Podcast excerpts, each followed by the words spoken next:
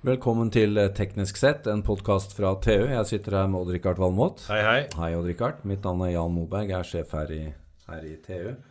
I dag Odd-Rikard, skal vi snakke om grunnstoff med atom nummer åtte. Jepp. Det skal vi. Oksygen. Oksygen, ja. Ja.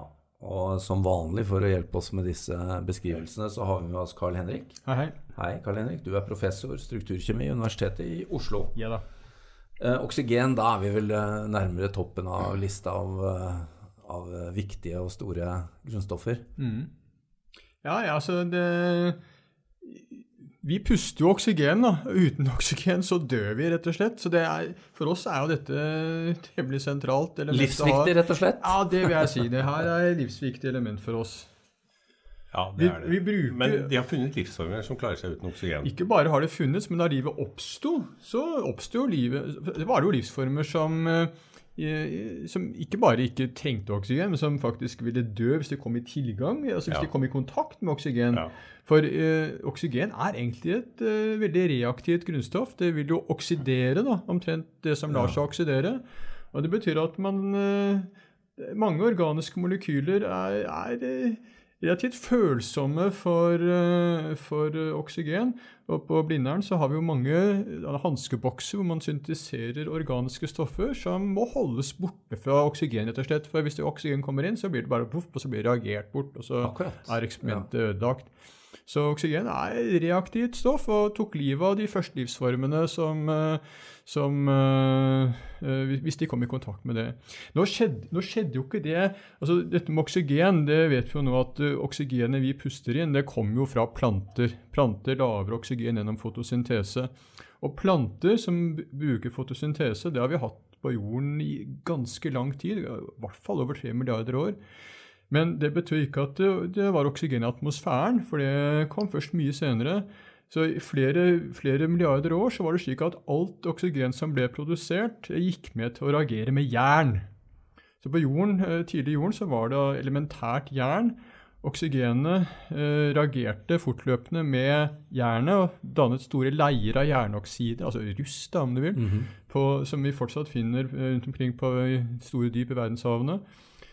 Og det var først da alt jernet var brukt opp, at oksygen, at man fikk- det som på engelsk kaller det oxygenation event. At da begynte det oksygen i atmosfæren å stige. bygge.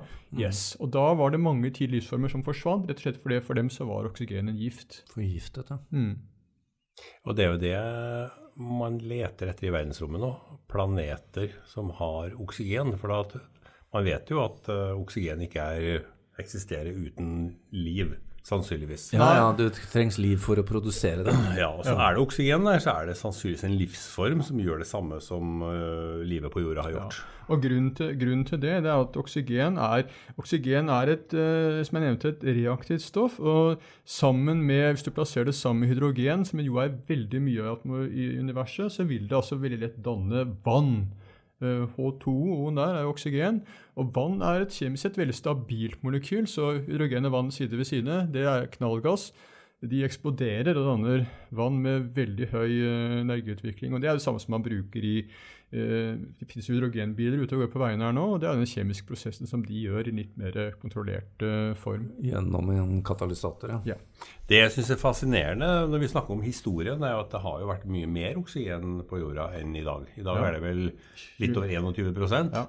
Men det har, for 300 millioner år siden så pika det opp i 35 Da var en bokstavelig talt ganske brennbar atmosfære. Ja, det, Man tror det at det var store skogbranner Ja. på den tiden der. En annen interessant effekt av det, det er hvis man ser på hvor Insekter har jo ikke lunger. Nei. Så de er avhengig av at oksygen diffunderer inn i det som heter trakeer, inn i kroppen deres. Og jo større innholdet av oksygen er i atmosfæren, jo større kan insektene bli. Ah. Så på den tiden som Richard snakket om her nå, så fantes det insekter som var mye mye større enn det de er nå. Altså sånn øynestikere på størrelse med store rovfugler, som, eh, fordi de kunne altså få oksygen inn på den måten. Men så sank altså oksygenholdet igjen, og så forsvant de, da. Jeg er veldig fornøyd med det. Ja, jeg, jeg, jeg ser for meg det er noe å få i frontruta. Ja. Hadde den gått, hadde den gått gjennom bakruta også. Men eh, et annet tegn på oksygenets egenskaper også er jo ilden. Altså, vi, vi skjønner jo kanskje hvor eh, reaktivt det er, da, når Ja. vi vet at ilden slukker hvis du stenger tilførselen, men hvis Ja. den får mer, så Ja. gir det bare Og det var jo menneskehetens sannsynligvis første og store oppdagelse, da. Ilden. Det å lage ild. Ja. Og, og i Danmark så heter jo oksygen ilt. Det kommer jo av ild. Så det er en del sammenhenger. Danske da, har ikke forandra seg på flere hundre tusen år. Bare for å ha sagt det, altså dette, dette med hvorfor uh, vi, vi forbrenner jo maten vår. Vi har et stoffskifte, vi har en forbrenning. Og all den forbrenningen går ut på å reagere alt det vi spiser, med oksygen. Det finnes, Man må ikke reagere med oksygen. Vi kjenner jo til gjæring, som er en prosess hvor du nedbryter eh, sukker uten at det er oksygen til stede. Der får du dannet alkohol. Det er en eh, gammel norsk vitenskap at man kan gjøre det. Men altså energiutbytte, i en sånn, hvis du måler i antall ekvi- energiekvivalenter du får ut, så er det ca. en attendedel av hva du får ut når du, eh, når du puster eller bruker oksygen som oksidasjonsmiddel.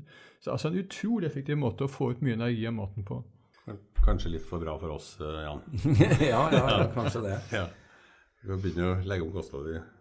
En annen ting, en annen ting med oksygen det er jo det at eh, det, altså, Formelen for oksygen er oksygengass er jo O2, men alle har jo også hørt om O3, Ja, nemlig ozon. ozon, ja. Ja.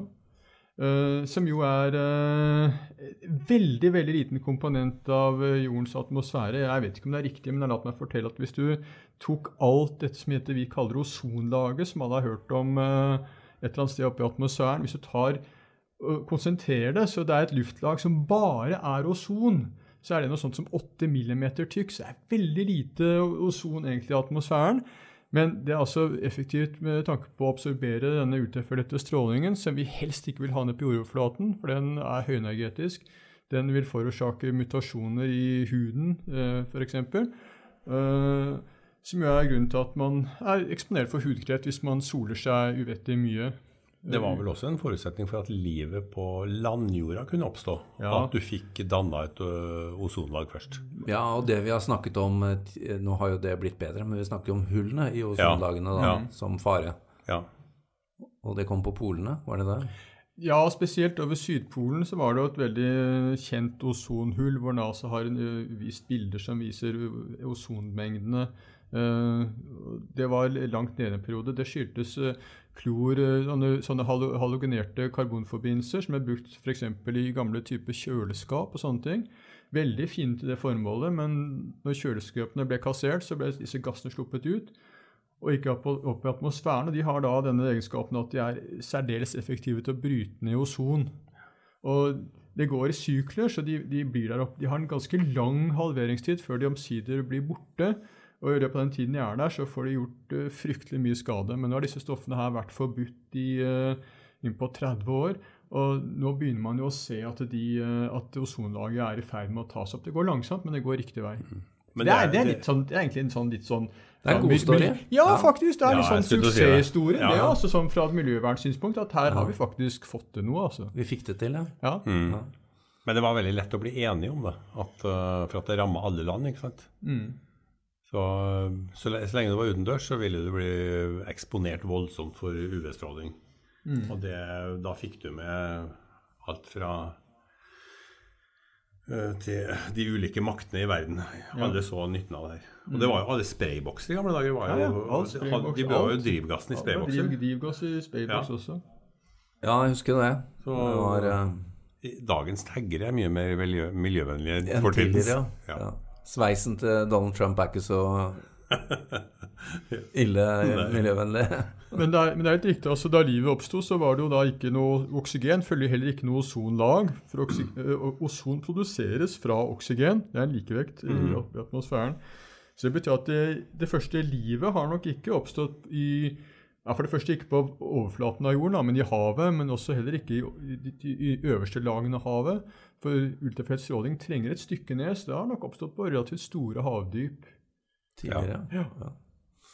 Så vi har, vi har mye å takke oksygen for. Ja, vi, eh, men det brukes også eh, til daglig. Jeg tenker på sykehus. eh, Hvor, hvor brukes oksygen? Det kommer jo på Ja, Den største forbrukeren er vel jern, jern- og stålindustrien. Som bruker Ja. halvparten av det oksygenet vi produserer. da. Altså vi, vi vi eh, utvinner oksygen fra atmosfæren. Vi gjør det vel Mesteparten er vel frysedestillasjon, er det ikke? Ja, ja. rett og slett. Altså at vi kjøler ned luft. Vi kjøler ned, ja.